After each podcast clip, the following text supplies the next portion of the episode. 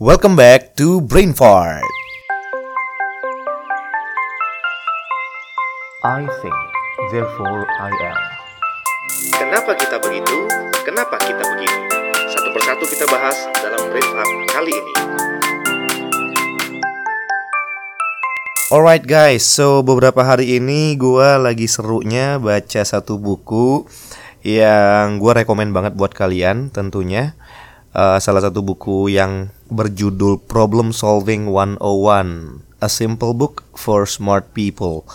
So basically buku ini bukannya untuk orang pinter doang tapi justru untuk orang yang pengen jadi lebih pinter dalam hal problem solving atau menyelesaikan masalah. Di dalam buku ini dibahas apa step by step gitu ya, satu-satu langkah-langkah kecil yang bisa kita lakuin untuk bisa mengambil keputusan yang baik atau untuk menyelesaikan masalah yang kita hadapin sehari-hari. So basically ini tulisannya Ken Watanabe, dia menulis ini waktu dia uh, memutuskan untuk cari kegiatan baru selain dari pekerjaannya sebagai salah satu konsultan bisnis di Jepang sana. Dia mendidik beberapa anak di sekolah sorry beberapa sekolah gitu ya untuk ya anak khususnya anak-anak untuk menyelesaikan masalah dengan cara berpikir logika cara berpikir yang sistematis uh, supaya anak-anak ini dari kecil dididik untuk mengambil keputusan atau menyelesaikan masalah mereka masing-masing. Masalahnya kecil-kecil yang di buku ini dibahasnya ada masalah tentang gimana caranya supaya band sekolah mereka itu jadi rame yang nonton atau macam-macam lah. Banyak. Dan menariknya ada beberapa orang author lain, salah satunya Seth Godin, author of Tribes. Dia bilang di buku ini, "This book made me angry." Dalam artian dia marah karena harusnya banyak orang yang baca ini tapi nggak baca.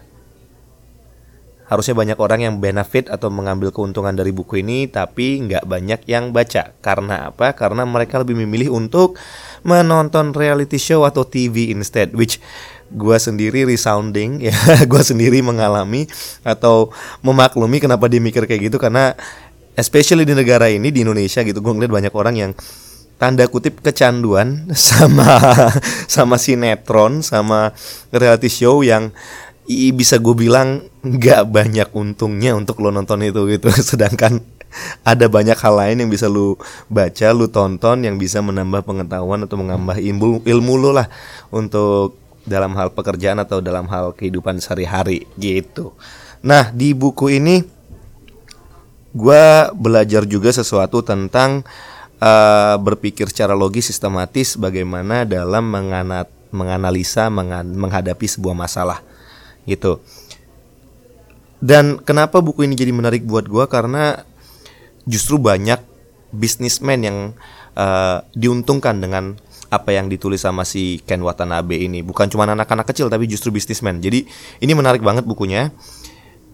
Dan ini jadi membuat gue reflect gitu ke keadaan di Indonesia di Indonesia ini berbeda sama negara lain yang pernah gua tahu ya, yang pernah gua baca, yang pernah gua tonton dokumenterinya. Edukasi di Indonesia menurut gua bisa dibilang setengah faktab.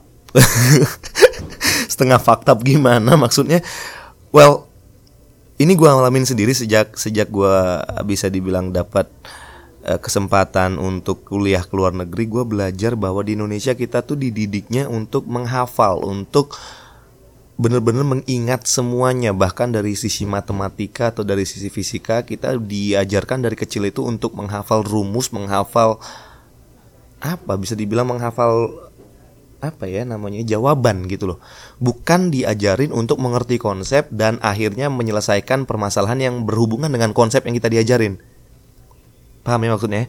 Jadi yang gue amatin Indonesia ini sejak gue kuliah di luar negeri itu adalah cara berpikir gue agak beda sama orang di luar sana gitu. Di mana orang luar sana itu terbiasa dari kecil I'm not I'm not saying that semuanya gitu ya. Semua orang di luar negeri atau semua negara menerapkan hal yang sama. Cuman kebanyakan yang gue alamin adalah orang-orang di sana itu lebih diajarkan untuk understand the concept and try to solve a problem or more problems much problems many problems berdasarkan konsep yang sudah diajarin.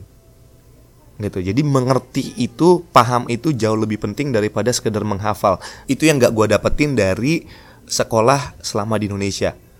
Dari SD gue diajarin menghafal menghafal menghafal. Saat ada pertanyaan yang dibilang sama gurunya adalah ya udah hafalin aja. Saat ada doubt saat ada uh, pikiran yang berbeda kita diajarkan untuk terima apa adanya apa yang diajarin sama guru so I remember exactly waktu gue SMA itu ada beberapa pelajaran atau beberapa uh, mata pelajaran matematika jadi kayak beberapa topik di di pelajaran matematika yang gue sendiri kebetulan bisa nemuin cara lain yang beda sama yang diajarin guru.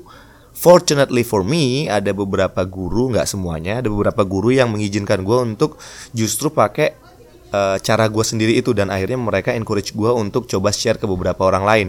Nah, itu nggak gue dapatkan atau nggak gue denger terjadi di sekolah-sekolah lain. Ini yang menurut gue berbeda gitu. Ini yang menurut gue perlu dibenerin dari edukasi Indonesia sangkin tanda kutip faktapnya gue ngerasa bahwa di negara ini di pendidikan Indonesia ini kita jadi nggak terlatih untuk improm atau nggak dilatih untuk berkreasi berkreativitas untuk menyelesaikan masalah yang ada. Kita diajarkan atau kita jadi terlatih sebaliknya adalah untuk menyelesaikan masalah berdasarkan rumus tanda kutip yang sudah dilakukan sama orang-orang dulu.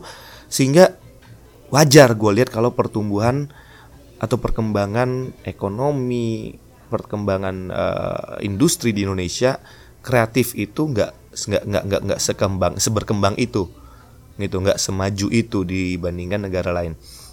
Gue bisa salah di sini, again ini brain fart gue gue bisa aja terlalu cepat mengambil keputusan maybe some of you bakal ngedenger ini dan bilang alah bullshit lu kok tahu apa lu tentang pendidikan I, I get it I totally understand cuman again this is this is the way I see things this is the way I per, uh, perceive things that is happening di Indonesia.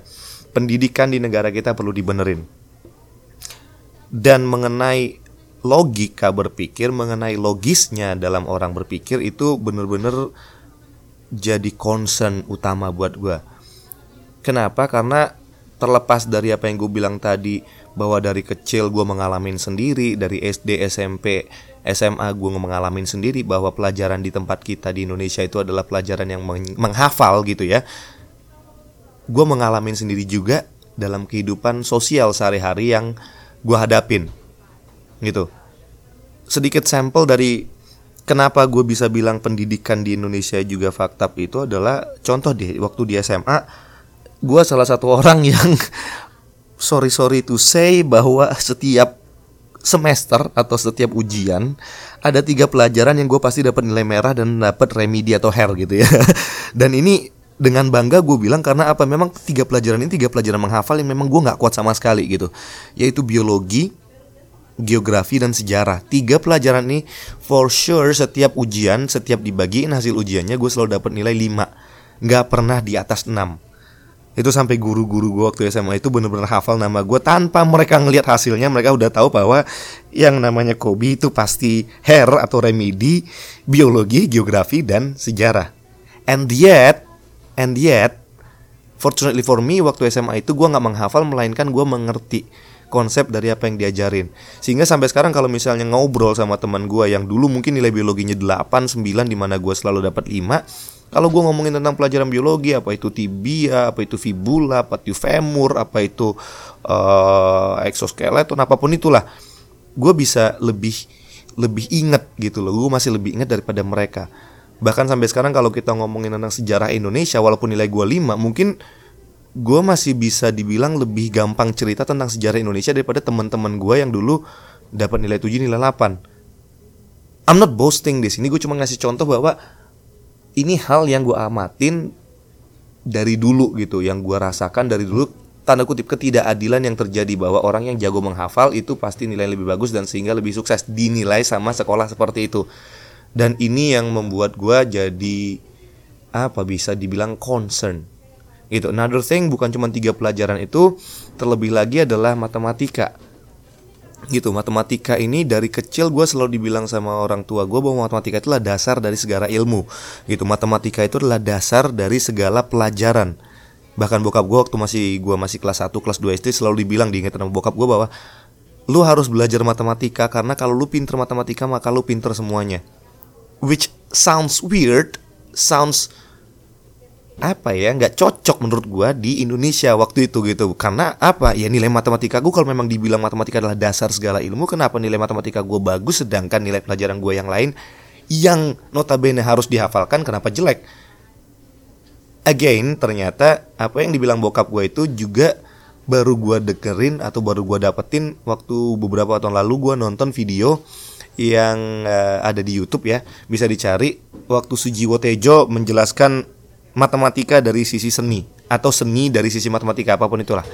So dia menjelaskan di situ bahwa matematika itu bukan hitung-hitungan. Hitung-hitungan itu adalah kalkulasi, sedangkan matematika adalah matematis. Berpikir secara matematis, secara logis, secara kronologis, secara sistematis. Matematika itu bahasa, matematika itu adalah cara berpikir bukan sekedar hitung-hitungan. Dan di buku ini gue ngeliat di buku yang berjudul Problem Solving 101 ini gue ngeliat banyak banget sampel yang truth to be told memang benar-benar berhubungan dengan matematika gitu. Apa yang gue pelajarin dulu dari buku-buku matematika yang pernah gue baca itu ada beberapa atau mungkin malah sebagian besar yang ada di Problem Solving 101 ini benar-benar berhubungan dengan apa yang gue pelajarin dulu itu dulu kalau kita ngomongin pelajaran gitu. Now come to the real world, come to the uh, social life sekarang yang gue lihat gue amatin juga banyak banget kejadian bahwa orang yang gue temuin itu banyak banget yang nggak bisa berlogika praktis. Gue nggak tahu kenapa gue selama berpikir apa sih yang salah, kenapa sih? I mean, is it is it so difficult untuk orang berpikir dengan logis, berpikir dengan sistematis? Itu emang sesusah itu gitu ya? gue nggak bilang yang expert banget logika logika logika yang expert banget. Nggak gue nggak ngebahas tentang itu. Gue ngebahas tentang logika praktis logika simple yang nggak banyak orang dapat. Gitu loh. Contoh contoh kelemahan kita dalam hal berlogika dalam hal menghubungkan dua hal melihat apakah ada hubungannya atau enggak. Itu contoh yang paling sederhana yang gue amatin adalah iklan. Gitu iklan. Contoh deh iklan di mana ada satu orang itu ceritanya ada satu orang pakai baju keren banget terus dia bawa mobil keren banget ngebut ganteng terus party segala macem nggak ada bentuk barangnya sama sekali yang diiklankan tiba-tiba boom iklan rokok dan untuk orang-orang yang nggak bisa berlogika ini mereka beranggapan bahwa orang keren ngerokok A sehingga kalau gua ngerokok A maka gua jadi keren dan yang lebih parahnya lagi yang gue lihat kejadian ini timbul di waktu pemilu 2014 sama pemilu 2019 kemarin. Ini ini ini ini ini ini salah satu hal yang gua amatin dari dari bentuk komersil atau dari bentuk marketing itu bener-bener misleading. Alright, so hanya karena beberapa orang pintar, beberapa akademika, beberapa profesor memilih calon presiden A, maka banyak orang yang malas berlogika ini beranggapan bahwa semua orang pintar, semua akademika, semua profesor memilih calon presiden A. Dan kalau pilihan mereka adalah calon presiden A, maka kalau gue mau jadi lebih pintar atau dia nggak pintar sama orang lain, gue harus milih calon presiden A. Ini ngaco. Alright, ini ngaco. Banyak orang nggak berpikir gitu loh. Sama kayak kalau gue bilang beberapa ayam dalam kandang. Terus orang mikir yang males berlogika tadi ya mikir semua ayam dalam kandang. Terus dia berpikir lagi bahwa semua yang ada dalam kandang itu adalah ayam. It, ini ngaco gitu loh. ya ada namanya rumput, ada yang namanya ulat, cacing, dan ada juga ayam yang di luar kandang. Itu logika simpel yang sering kali banyak orang males untuk berpikir. Mereka terima apa adanya terus nggak dianalisa, terus nggak diolah di pikiran mereka dengan logika praktis. Gitu. Gue pernah membuat membuat satu survei nih, satu survei di mana gue ngasih satu tes, bukan dibilang tes psikologi juga sih, tapi kayak tes iseng-iseng, eh, sejenis game di internet lah, game tebak-tebakan gitu. Ini salah satu contoh teka-teki yang gue temuin di internet yang gue coba lempar ke beberapa orang. Gitu. Jadi ada dua orang namanya Kevin sama Marco. Kevin dan Marco ini dua orang yang selalu jujur di hari-hari tertentu. Alright? So Kevin selalu jujur di hari Kamis Jumat Sabtu Minggu Oke, Kevin jujur hanya di hari Kamis, Jumat, Sabtu, Minggu. Sedangkan Marco dia jujur cuma di hari Selasa, Rabu, Minggu, Senin. Oke, Marco cuma jujur di hari Selasa, Rabu, Minggu, Senin. Kevin tadi jujur Kamis, Jumat, Sabtu, Minggu. Marco Selasa, Rabu, Minggu, Senin. Dan ada satu hari di mana si Kevin berkata, "Sorry bro, kemarin gua bohong." Dan Marco juga berkata, "Ya, sama gue juga." Oke. Nah, buat kalian lagi ngedengerin ini coba coba coba di coba dilogikain gitu. Coba dipikirin kira-kira hari apa sih kejadian itu? Si Kevin cuma jujur hari Kamis, Jumat, Sabtu, Minggu. Si Marco cuma jujur hari Selasa, Rabu, Minggu, Senin. Dan ada satu hari di mana Kevin dan Marco berkata, "Sorry, kemarin gua bohong." Dua-duanya kemarin bohong. Jadi hari apa itu? Kejadian itu. Nah, ini kesannya kayak game, kesannya kayak game, kesannya kayak teka-teki doang. Cuman setelah gue lemparin ini ke orang-orang, ke beberapa orang yang gue kenal, gue bisa ngelihat berbagai macam cara orang approach ini. Which I don't I don't mind kalau mereka berlogika sendiri gitu. I don't mind kalau mereka berpikir. Tapi ada juga yang cuman ikut-ikutan jawaban orang karena apa mayoritas. Ada juga yang cuman nebak-nebak. Ada juga yang mungkin malah salah jawabannya karena logika berpikirnya nggak nyambung. Here's the thing. Here's the thing. Ini logika simple. Gitu di mana kalau lu menganalisa kata-kata itu maka lu akan dapat jawabannya satu hari di mana yang benar-benar mereka bisa berbohong di hari kemarinnya. You can try yourself dan gue bakal rilis jawabannya di akhir dari episode ini supaya kalian tahu logika berpikir gue untuk menjawab pertanyaan itu seperti apa. Alright. So hal kedua yang gue amatin lagi di social uh, condition sekarang ini adalah ini hal yang bothering gue dari lama banget, yaitu lampu motor harus nyala siang hari. Lampu motor harus nyala siang hari. Gue lupa pastinya itu tahun berapa diterapkan sama pemerintah sama uh, kepolisian. Entah waktu itu dibikin sama kepolisian kalau nggak salah peraturannya. Alright, gue lupa sama sekali itu tahun berapa exactly. Cuman gue inget banget waktu pertama kali kejadian itu atau pertama kali peraturan itu diluncurkan itu semua motor masih ada switch lampunya untuk nyalain untuk dimatiin. Kalau lu lupa atau lu, lu baru ngerti motor itu zaman sekarang atau beberapa tahun terakhir ini lu udah ngamatin, udah merasakan motor yang dari awal sudah nyala lampunya. Jadi nggak ada switchnya lagi untuk lampu motor gitu, cuman ada lampu jauh, lampu deket. Kalau dulu bener-bener bisa hidup mati lampu jauh, lampu deket. Dulu gue sendiri motor gue itu masih bisa lampunya dinyalain dan dimatiin. Nah waktu pertama kali keputusan itu dibikin, gue sengaja matiin lampu gue siang-siang, sengaja naik motor matiin lampu gue siang-siang untuk ngeliat apakah memang sudah diterapkan itu peraturan. Terus ya ya ya namanya peraturan sudah dibikin, entah itu tujuannya apa, kenalah gue tilang. Itu pas gue kena tilang, menarik, ini menarik banget. Ya namanya gue iseng gitu ya berlogika karena gue sendiri nggak masuk nih di otak gue kenapa siang-siang lampu harus nyalain gitu kan untuk untuk kendaraan bermotor. Ditilang lah gue sama polisi. Alright? You can call me gak ada kerjaan atau iseng atau memang cari masalah cuman ini yang gue lakuin waktu ditilang saat motor gue nggak ada lampunya atau lampunya mati gitu ya siang hari. Setelah polisinya berhentiin gue terus dia bilang gitu kan selamat siang mas. Tahu kesalahannya apa? Gue langsung balas siang pak. Saya tahu kesalahan bapak. Cuman sebelum bapak nilang saya saya pengen tanya beberapa hal. Gitu. Terus dia nyaut ya silahkan ada apa? Apa yang di, eh, ingin ditanyakan mas? Kata gitu. Yang gue tanya pak bapak ngelihat nggak lampu saya mati? Ngelihat dari jauh bapak merhatiin lampu saya mati. Betul mas. Bapak bisa lihat saya bisa mas. Terus apa gunanya lampu saya pak? Alright. You get you get you get it right? So apa gunanya lampu saya pak? Kalau bapak siang-siang gini dengan kondisi lampu saya mati aja bapak bisa lihat saya apa gunanya lampu saya? Ya ini peraturan pemerintah mas.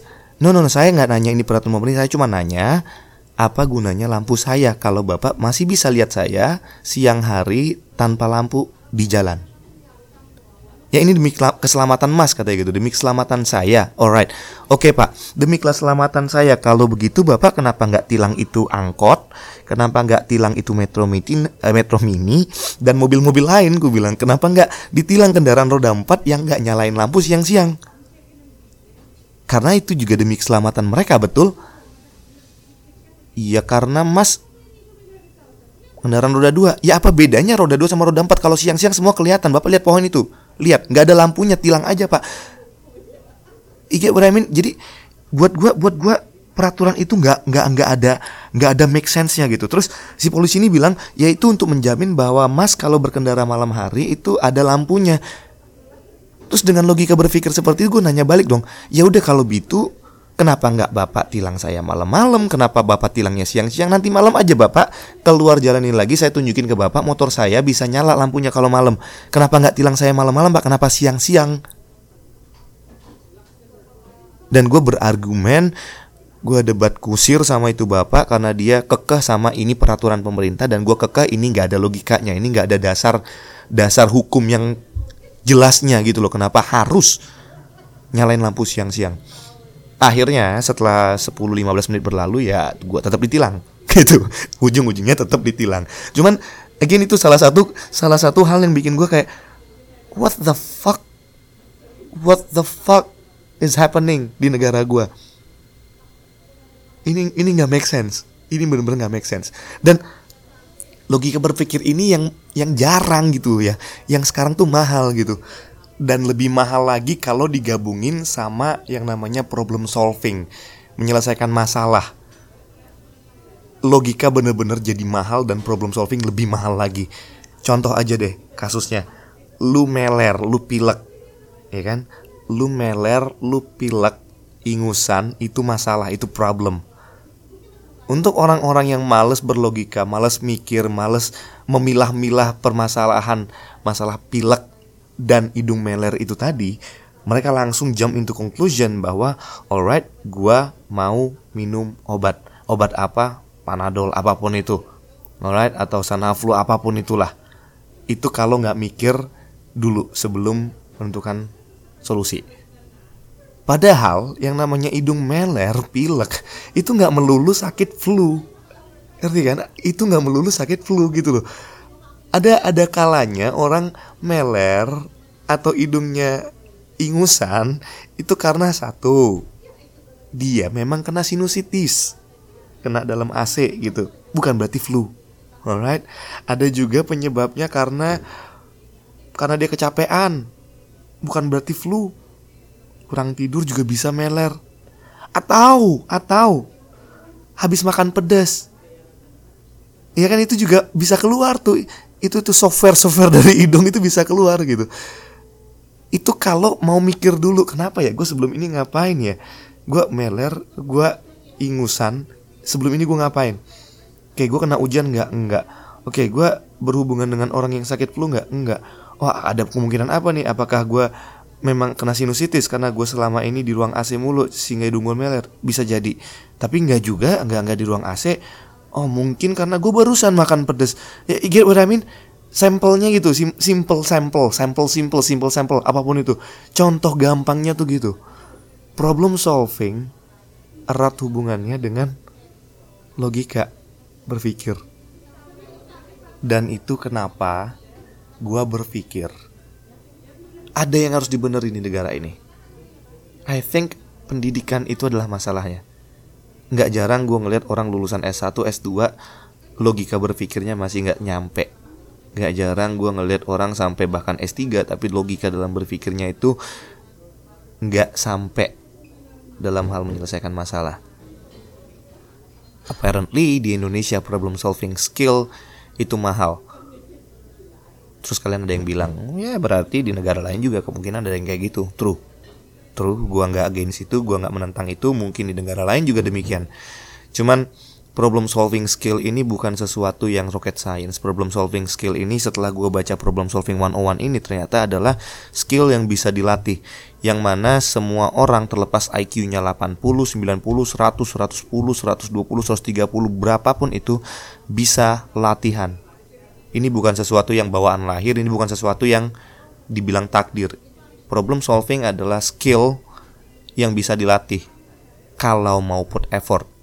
Karena problem solving itu bukan sesuatu bawaan lahir. Problem solving itu adalah sesuatu yang simple, yang bisa dimulai dengan simple. So buat kalian, gue saranin banget nih coba cari bukunya. Kemarin gue beli itu hanya sekitar 250 ribu Problem Solving 101 Tapi 250 ribu ini sebagai investasi yang bisa gue bilang membantu kalian banget dalam hal pekerjaan, dalam hal pelajaran, dalam hal hidup secara umum, dalam hal menyelesaikan masalah baik itu sama temen, sama keluarga, sama pacar, sama bos di kantor atau masalah sendiri yang kalian hadapin waktu kalian kerja. Ini bener-bener membantu kita.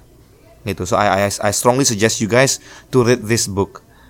Dan untuk menjawab quiz yang tadi yang udah gue kasih, di mana si Kevin cuma jujur di hari Kamis, Jumat, Sabtu, Minggu, sedangkan si Marco cuma jujur Senin, Selasa, Rabu, Minggu, dan mereka dalam satu hari berkata, maaf kemarin saya bohong, dua-duanya berbohong di hari kemarinnya.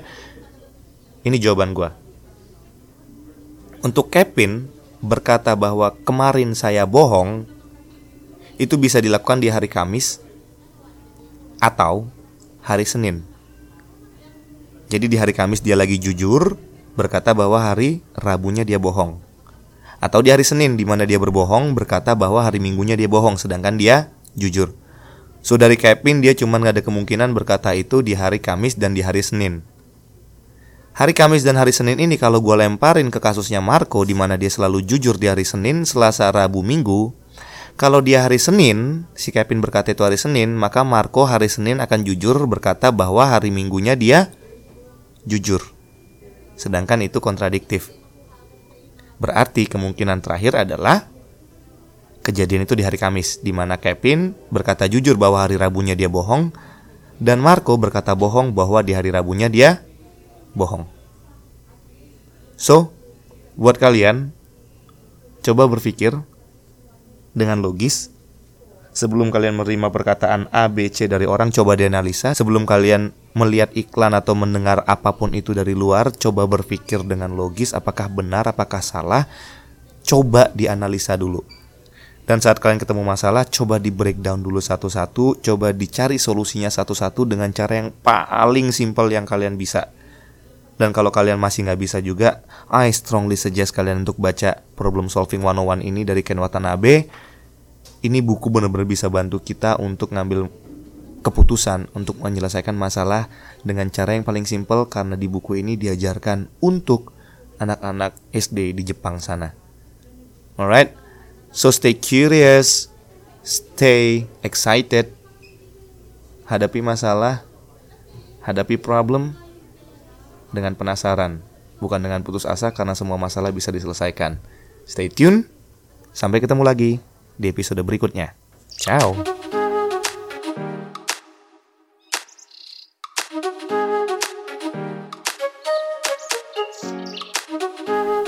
Thank you for listening. Like and share if you enjoyed this, and see you again in the next Brainfort episode.